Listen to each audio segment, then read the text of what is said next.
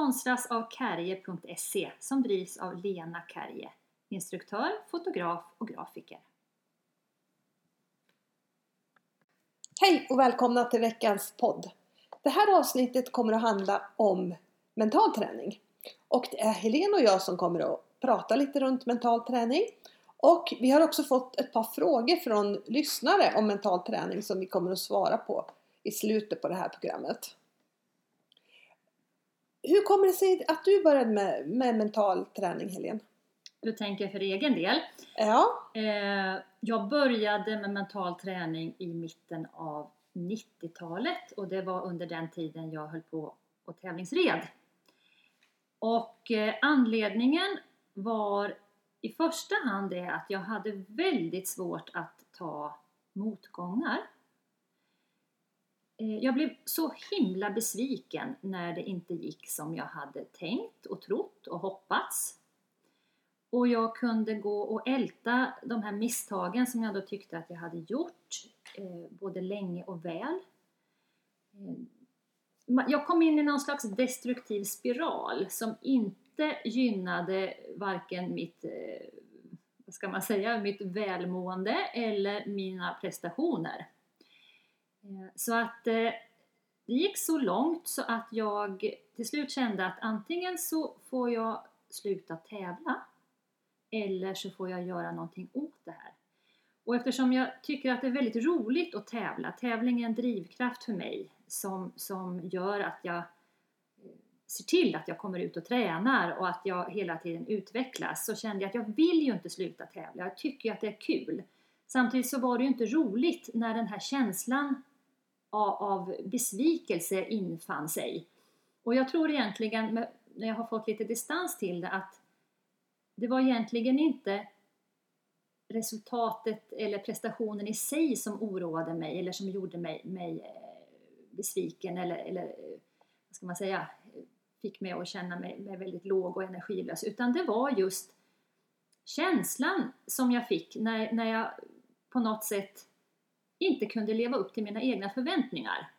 Så, så, kan, jag, så, så, så nog, kan jag nog uttrycka det på bästa sätt. Kunde du lösa det då? då? Ja, jag hade ju tur att jag hade folk i min omgivning som var duktiga på det här med mental träning. Eh, det här, på den tiden var det inte jättevanligt ens inom ridsporten, alltså de på toppnivå jobbade givetvis med mental träning redan på den tiden, men, men vi som red på lite lägre nivå Eh, det kanske inte var jättevanligt att man jobbade mentalt med sig själv och framförallt inte att man hade någon mental coach men jag fick, eh, jag ska inte säga att jag fick någon mental coach, men jag fick möjlighet att bolla tankar och jag fick möjlighet, eh, jag fick hjälp att hitta redskap för hur jag skulle tänka. Jag fick också hjälp att jag gick, jag gick på många föreläsningar, jag läste mycket böcker, jag gick en del kurser för egen del och framförallt så jobbade jag väldigt, väldigt mycket med mig själv under den här tiden för att försöka vända den här dåliga trenden. Jag tävlade också väldigt mycket under en period. Det kan man ju göra mer på hästsidan än vad man kan göra på hundsidan. Man kan träna oftare med häst utan att det, att det förstör någonting än vad man kan göra på, på hundsidan. Så under en period så tävlade jag nästan varje helg. Och det hjälpte också till.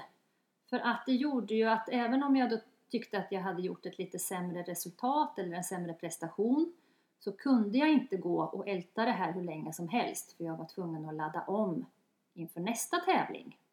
Ja. Och idag, drygt 20 år senare, så tycker jag att jag har blivit mycket bättre på det här. Jag ser också kanske till att ha en distans till det jag gör och aldrig låta, vad ska man säga, aldrig låta allvaret ta överhanden. Och man kan ju faktiskt vara väldigt ambitiös utan att låta allvaret få för stort grepp om en. Absolut, för det har ju inte riktigt med det att göra Nej, kan man säga. det har det inte. Mm. Fast det är väldigt lätt att hamna där om man, om man har höga krav på sig själv och verkligen känner att man, man vill prestera och göra sitt bästa. Absolut, det är en fälla som jag tror många fastnar i, helt klart. Mm. Kan du ge några konkreta exempel på hur du jobbar med mental träning idag? För dig själv liksom. Mm. Jag tänker att mental träning är något jag inte bara jobbar med i hundträningssammanhang utan i livet i stort. Eh, till exempel så har jag i år har haft, eh, jag haft ganska tufft år på hundfronten. Jag har haft en, en ung hund som har varit skadad och borta eh, från träning länge. Jag har haft min, min gamla hund som jag tyvärr var tvungen att ta bort efter att han blev ormbiten. Och inte nog med det så fick jag några veckor innan SM här i år reda på att min Tarzan har ett hjärtfel och dessutom skador på sina lungor så att ja, vi, vi kommer inte kunna tävla mer. Och det var ju väldigt, väldigt sorgligt och ledsamt. Och det var lite mycket på en gång. Ja, det förstår jag. Och jag eh, tänker mig att det här handlar ju mycket om, det här handlar mycket om mental träning för mig. Att, att jobba med de här bitarna i vardagen och allt man kan råka, råka ut för i, i, i vanliga livet också. Att kanske tillåta sig att faktiskt vara väldigt ledsen och låg under en period. Men ändå försöka hitta en acceptans för att ja, nu är det så, nu är det så, nu är det så här. Det är som det är liksom. Jag kan inte slösa dyrbar energi på sånt jag inte kan kontrollera. Och det kan ju i början, när man, när man drabbas av en, en eh, sorg av, av något slag, så kan det ju i början kanske bara handla om att ta sig igenom dagen. Nu var det ju inte så allvarligt för mig såklart, men, men det finns ju människor som, som drabbas av betydligt värre saker än vad jag har gjort. Och då, då kanske det bara handlar om att ta sig igenom dagen, eller kanske bara ha, det handlar om att ta sig igenom en timme i taget. Därför att man vet att så småningom kommer det att kännas bättre. Och hitta små guldkorn i, i livet som gör det bättre för stunden. Men ändå, ändå tillåta sig att, att, att faktiskt vara ledsen när det tråkiga gör sig påmint. Ja. Hur, hur gör du för att få ny energi då? Jag är en ganska lösningsorienterad människa. Och jag, jag tänker ofta lösning redan när jag anar ett, ett problem. Och då tänker jag, hur kan jag lösa det här eller vända det här till något bra? Och kreativt tänkande, det ger energi. Och när man är ledsen eller har det motigt så är ju ofta energinivån ganska låg. Så att börja tänka lösning, om det går givetvis, vissa saker kan man ju inte lösa, men om det går att lösa så är, är det ett bra sätt att, att faktiskt öka energinivån Ja. och, och hämta ny kraft. Ja, just det. Och på vilket sätt använder du mental träning i hundträningen? Ja, på massa olika sätt. Dels i, i själva i träningen tränar jag mycket på att, att vara närvarande och se vad som, se vad som händer. Att jag försöker ha, ha nära mellan tanke och handling. Att vara open-minded och även försöka se saken lite från hundens synvinkel. Och det här är ju lätt när allt flyter på. Betydligt svårare när det inte riktigt går som man vill. Och givetvis blir jag precis som de flesta andra av oss frustrerad och irriterad ibland och tänker men vad fasen, det här har vi ju tränat på massor med gånger, det här borde du kunna. Ja. Sådana tankar dyker upp även fast man vet att, att man inte ska tänka så, så kommer de ändå. Och då försöker jag tänka varf, varför blir det fel just, just nu? Hur uppfattar hunden situationen? Hunden har ju ett helt annat perspektiv än vad jag som förare har och kanske uppfattar saken på ett helt annat sätt.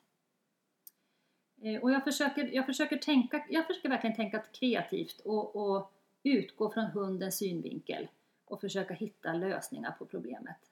Sen är det inte säkert att man hittar alla lösningar där och då. Och då kan jag faktiskt släppa det som inte funkar för stunden. Det hade jag jättesvårt att göra förr.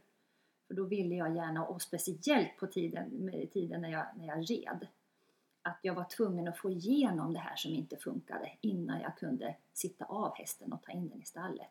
Ja, det fick man ju lära sig i hundvärlden förr också att du får inte gå av plan Nej. först du har lyckats. Nej, Och tänk så många problem man har ställt till med det som egentligen inte var något problem Nej. därför att det var bara en ren tillfällighet att det hände just då. precis. Men när, när man får panik så blir det ju gärna ett problem av det sen.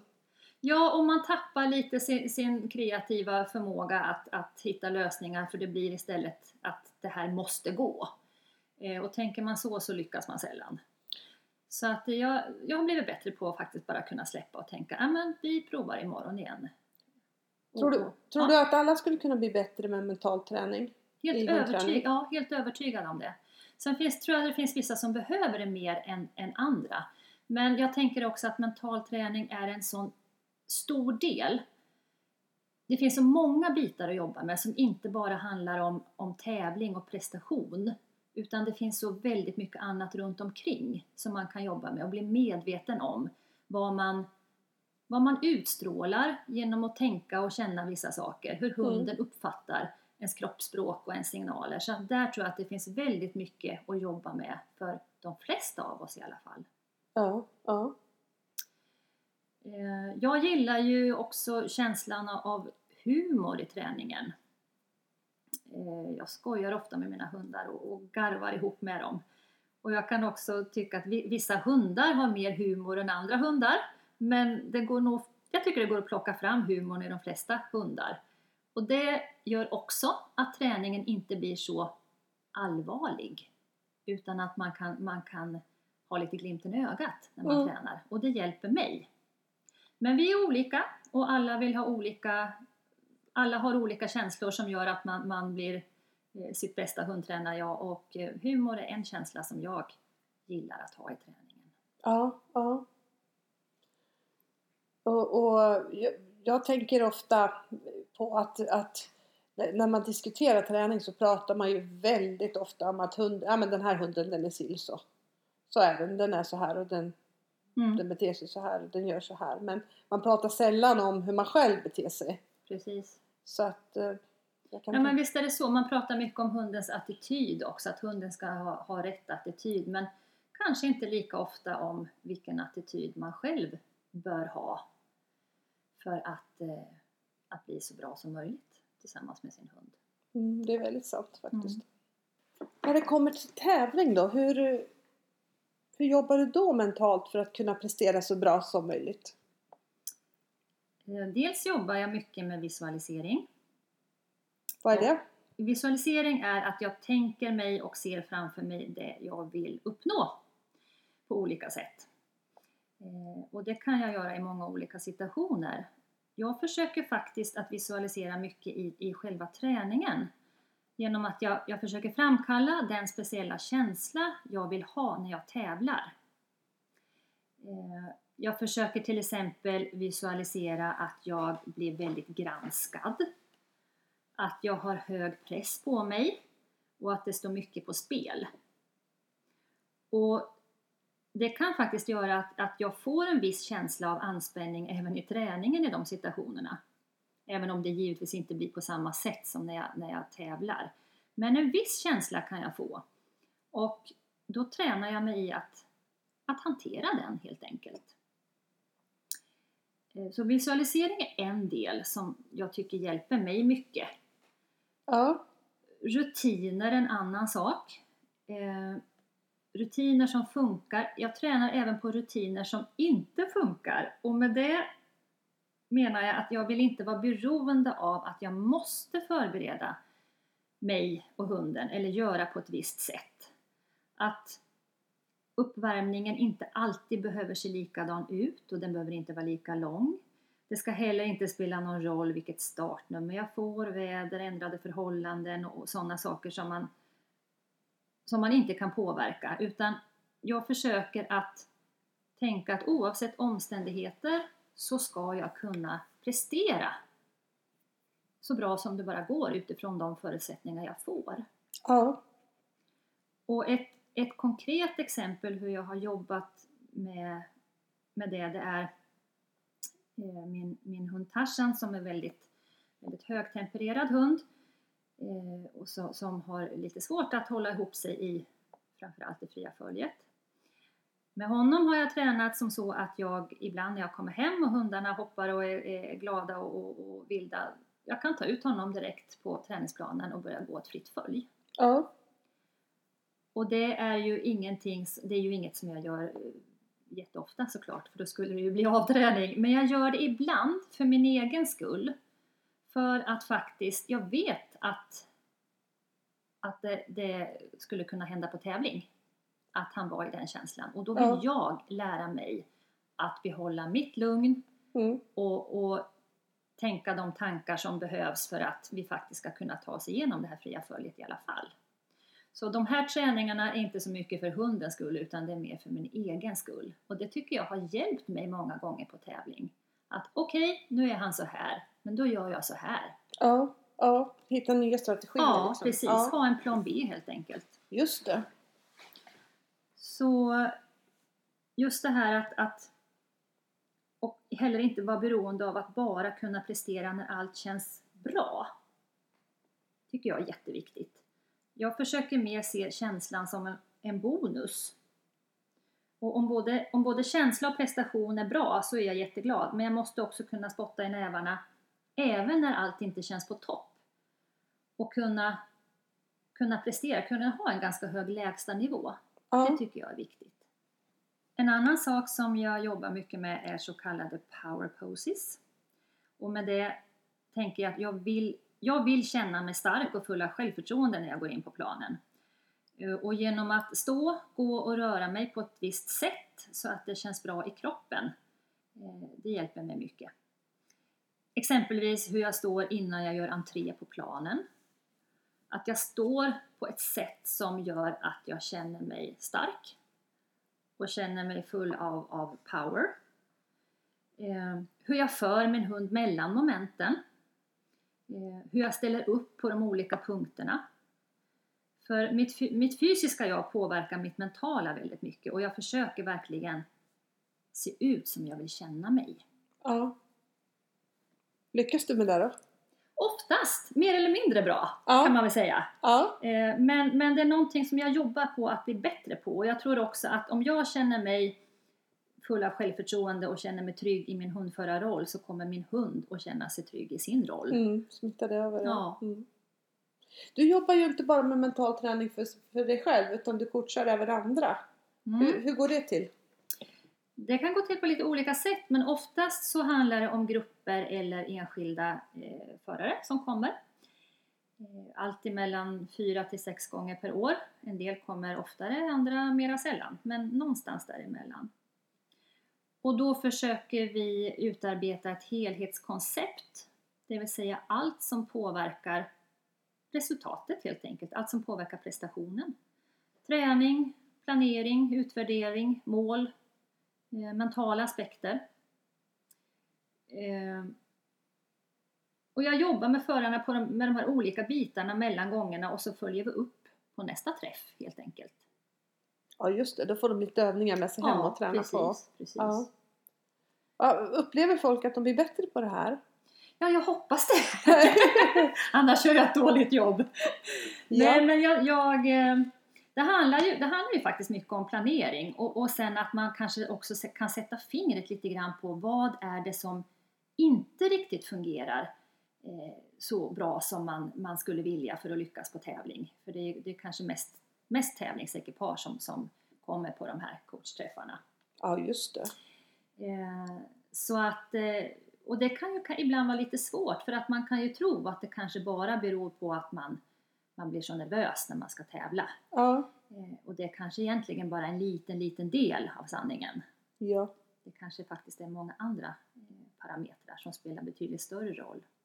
En nervositeten Mm, ja. mm. ja. det tror jag också faktiskt. Men vad har de flesta problem med som vill bli coachade? Eh, jag kan uppleva att många har svårt att följa upp sin träning på ett bra sätt. Och, och just som, som, som vi sa, få ihop det på ett sätt som gör att det håller på tävling. Eh, men- Menar, följa upp sin träning, menar du, menar du träningen, den, fy, den riktiga Ja, fysiska, inte Ja. den mentala nej, träningen? nej, nu tänker jag på Du den tänker på praktiska, praktiska träningen. träningen. Ja, Ja. att man faktiskt inte riktigt har koll på vad man tränar och varför, om du förstår vad jag menar. Ja. Att man går ut och tränar lite grann fast man egentligen inte riktigt vet, har, det här blivit, har den här grejen faktiskt blivit bättre under Mm. det här träningspasset? Vad har hänt på det här träningspasset? Fungerade det som jag hade hoppats på? Eller ska jag prova en annan variant nästa träningspass? Eh, och, och som sagt, jag, tror att jag tror att, att många har den känslan av att, att det går jättebra på träning men inte så bra på tävling och det, gör, det beror på att jag blir så himla nervös när jag ska gå in på planen. Men jag tror som sagt att det finns många, många fler saker att jobba med än bara nervositeten. Och jag tror att den, den stora skillnaden är ett resultat av många små skillnader som kan göras mellan träning och tävling. Att det, att det är många små, eh, små bitar som ska till för att eh, faktiskt göra en, en, en, stor skillnad. Och det försöker jag belysa och, och göra föraren uppmärksam på. En annan sak som jag upplever att många missar är just det här med plan B. Man vet inte vad man ska göra om det blir fel på tävling. För på träning så gör man nästan alltid om. Mm. Man, när man råkar ut för saker på, på tävling så, så, står man lite där med skägget i brevlådan. Och för det här, man har aldrig jobbat igenom det här. Ja. Riktigt. Man kan inte. Just det. Man kan inte fortsätta. Och många hundar också som tänker tillbaka till föraren att de är vana att nu gör vi om igen. tillbaka när det blir fel. Mm. Eh, och den mentala delen jobbar vi mycket med genom att överträna vissa saker eh, och se till att föraren hela tiden har konkreta uppgifter på att sköta eh, konkreta uppgifter att sköta. Från det att man tar ut hunden på tävlingsplatsen tills dess att man sätter in den i bilen igen. Ehm, och mycket handlar ju faktiskt om, om den vanliga vardagsträningen. Att bli uppmärksam på kroppsspråk, egen attityd, egna tankar och egna känslor. Ehm, ger jag hunden dubbla budskap? Förmedlar min kropp någonting annat än det jag säger till hunden? Att lära sig läsa sin hund på rätt sätt. Att lära sig att vara närvarande och och själv ha 100% fokus på det man gör. Inte bara tänka att det är min hund som ska ha fokus utan det krävs att jag själv ska ha lika mycket fokus. Ja. ja. Allt sånt spelar stor roll, både för känsla och resultat. Eh, det är ju ganska många som har problem på tävling. Och, och Speciellt om man kommer till de, till, till, de, till de lägre klasserna, att man inte får med sig hunden och sådär. Eh, hur kommer det sig tror du att, att, att, att det är så få som är medvetna om hur viktig den här träningen är? Ja, men jag tror kanske att, att många tränare är väldigt duktiga på att träna själva momenten men det som händer emellan eh, tränar man inte så mycket. Nej, just det. Och det är kanske där egentligen som tävlingen avgörs hur väl man får med sig hunden, hur väl man kan förbereda den inför nästa moment. Mm. Hur väl man kan få den engagerad eh, och i, i, rätt, i rätt mod för, för kommande uppgift. Så att jag tror att generellt att, att man skulle lägga mer träning på, på det som händer mellan momenten, det som inte bedöms helt enkelt, än mm. vad man kanske gör. Eh, uppställningspunkter, tävlingsbelöningar, få med sig hunden direkt fram till nästa startpunkt. Träna olika långa transporter, ibland bara kanske vända på klacken och så blir det en ny uppgift. Ibland så blir det en lång transport fram till nästa uppgift. Att ja. faktiskt vara riktigt tränad på det själv och att träna sin hund på det. Ja. Så att man får en igenkänningseffekt. Jag tror mycket handlar om att känna igen situationen. Att hund, både man själv och hunden är van vid situationerna som upp, uppstår på tävling. Ja. Eh, brukar du följa med dina elever, brukar du följa med dina elever på tävlingar också? Eh, ja, det händer, men det är inget som, som så att säga ingår i konceptet. Nej. Eh, vissa, är med, vissa vill att jag är med på tävlingsplatsen och jag kan vara det i mån av tid och, och möjlighet, men merparten av träningen sker här hemma. Ja. Eh, coachar du på nätet också eller bara via? Nej, bara jag har inte gjort det hittills. Jag har haft funderingar på det men jag tycker att det är svårt. Eh, därför att dels så skulle man, eftersom det här är ett helhetskoncept så vill jag gärna se ekipaget i träning. Och jag vill också gärna lära känna personen eh, lite mer face to face. Eh, för att bilda mig en uppfattning om vad just just den här individen behöver. Det finns ju, tyvärr höll jag på att säga, det kanske inte är tyvärr, men det finns ju ingen mall för Nej, att så här, så här gör man, gör så här så kommer det att gå bra, utan det här är så oerhört individuellt och jag tror att det handlar om att hitta sin, sin grej lite grann. Ja. Hej Maria och Helene. Jag har en hund som är lite lågtempererad. Därför så händer det ganska ofta att jag tappar humöret och blir sur när, min hund inte, när jag inte tycker att min hund anstränger sig tillräckligt mycket. Vad ska jag göra för att vända på den dåliga trenden? Mm, det här är en av frågorna som vi har fått in från våra lyssnare. Eh, hundens, hundens temperament går ju liksom inte att ändra på, men däremot så kan man ju öka hundens engagemang i olika delar. Men det är ju en tävlingsteknisk grej. Vad jag förstod så, så ville den här tjejen mest eh, bolla tankar kring hur man kan tänka för att Ja, inte för, bli för irriterad. egen del. egen ja, ja. ja, så fattar jag det också. Och för, för att inte bli irriterad så skulle jag försöka att inte lägga så mycket värdering i utförandet. Ehm, och, och försöka tänka lösning istället för problem. Och det här är ju lättare sagt än gjort, men det är också en träningssak. Så, men istället för att tänka Gud vad långsamt han springer, så, så skulle jag försöka tänka hur kan jag få honom att springa fortare? Istället för att fokusera på problemet så försöker jag hitta lösningar för att kicka igång min mm, hjärnans kreativa system lite grann och få lite mer energi istället för att bli irriterad och frustrerad. Ehm, en annan variant kan ju vara att fundera, vad, vilket råd hade jag givit min träningskompis om det hade varit hennes hund? För när det gäller, ofta lägger man så mycket känslor i sin egen träning och har lite svårt att se saker, eh, vad ska man säga, på ett, lite sunt sätt. Ja, Eh, Man har mycket lättare att ge konstruktiva råd till sina träningskamrater. För då ser man, då kan man belysa problemet på ett annat sätt. Så jag skulle försöka tänka, vad hade jag sagt till min träningskompis? Vilka råd hade jag givit henne om det hade varit hennes hund? ja, ja. Jättebra tycker jag. En annan fråga som vi har fått. Hej Maria och Helen. Jag är en ganska offensiv och snabbtänkt person när jag tränar. När det kommer till tävling och jag blir nervös så blir jag väldigt defensiv. Jag rör mig långsamt och jag har inte alls samma kraft att ta beslut utan jag bara står och tittar på när saker och ting händer och, och jag har svårt att hitta rätt energi helt enkelt. Hur, hur kan jag göra och tänka? Mm. Eh, blir man väldigt nervös så blir man ju mera defensiv om man har längre mellan tanke och, och handling. Det jag tycker hjälper det är att ha konkreta, konkreta och tydliga uppgifter både mellan, i och efter momenten. Men för att det här ska funka så måste det tränas så att det verkligen sitter. Det är ju precis som som hunden som blir långsam när den tänker för mycket eller när den inte vet vad den ska göra. Vi blir ju precis på samma sätt. Så att här gäller det att vara så tränad på sina uppgifter och vara, vara så hjärntvättad på dem så att kroppen bara gör utan att man behöver tänka.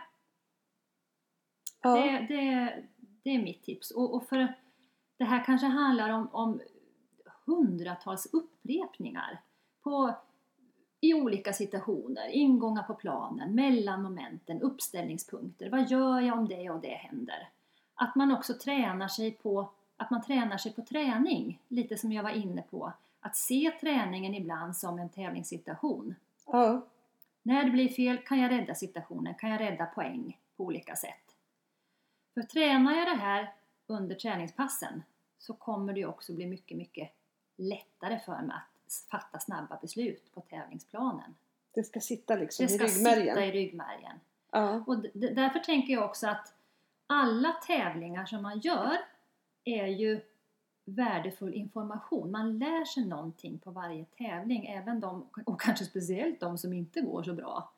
Att, att man ser dem verkligen som, som eh, någon slags läro, läro... Man ser tävlingen som en läromästare ja, på, Ja. på saker som man faktiskt kan göra annorlunda och kan göra bättre eh, okej nu blev det så här, det var en ny situation för mig som jag inte hade varit med om. Men nästa gång det händer så ska jag ha en plan för det här. Och till slut så har man ju då fått en plan B och C och D kanske också för de flesta situationer som kan uppkomma på tävling. Ja. Men jag tror, jag tror mycket på det här att jobba, att ha uppgifter mellan momenten, ha uppgifter inför momenten. Praktiska saker som jag som förare ska fokusera på. För att hela tiden, för att inte, inte tänka så mycket utan bara göra. ja. Det är mitt tips. Då har jag en sista liten fråga. Hej Maria och Helen. Jag har ett problem när jag är på tävling. Jag blir så himla nervös där folk tittar på mig. När det är andra duktiga tävlande som ser mig. Och jag blir så nervös nästan så jag tappar bort helt och hållet vad jag ska göra. För jag tror att alla tittar på mig och alla tycker att jag är typ det sämsta ekipaget på tävlingen. Hur- Hur kan jag tänka för att ändra på det här? Mm. Det här är ju en, en, något som vi måste lära oss hantera om vi vill tävla. Eh, först och främst är jag ganska övertygad om att folk inte tittar på oss på det sätt vi kanske tror.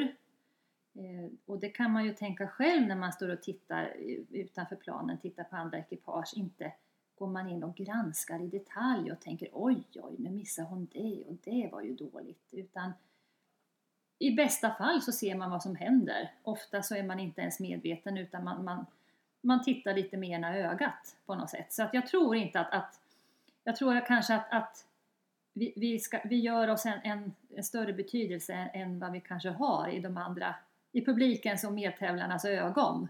Ja, ja så är det. Men återigen tänker jag fokusera på egna uppgifter. Alltså, har man konkreta uppgifter på planen, då har man inte tid att tänka på annat och man har heller inte tid på att fundera över vad andra eventuellt tycker. Och det finns ju egentligen bara en individ som åtminstone jag bryr mig om vad den tänker och tycker och det är min hund. Det är ju trevligt om, om domaren gillar det vi gör men det är ännu viktigare att min hund gillar det vi gör tillsammans. Det, det är det viktigaste för mig. Sen kan man ju aldrig påverka vad andra eventuellt tycker och tänker. Men som sagt, jag är helt övertygad om att, att folk inte tycker så mycket som, Nej, som vi kanske nej. tror ibland. Det tror inte jag heller. Vi, ja, vi pratade faktiskt om det, jag och en träningskompis för ett tag sedan. Vilka, vi har ju varit på SM jättemånga år tillsammans. Eh, så många så att jag knappt törs nämna det. Eh, både bruks och lydnad och, och, och vi pratade just om det, vilka vi kommer ihåg som har utmärkt sig på något sätt i ett dåligt perspektiv.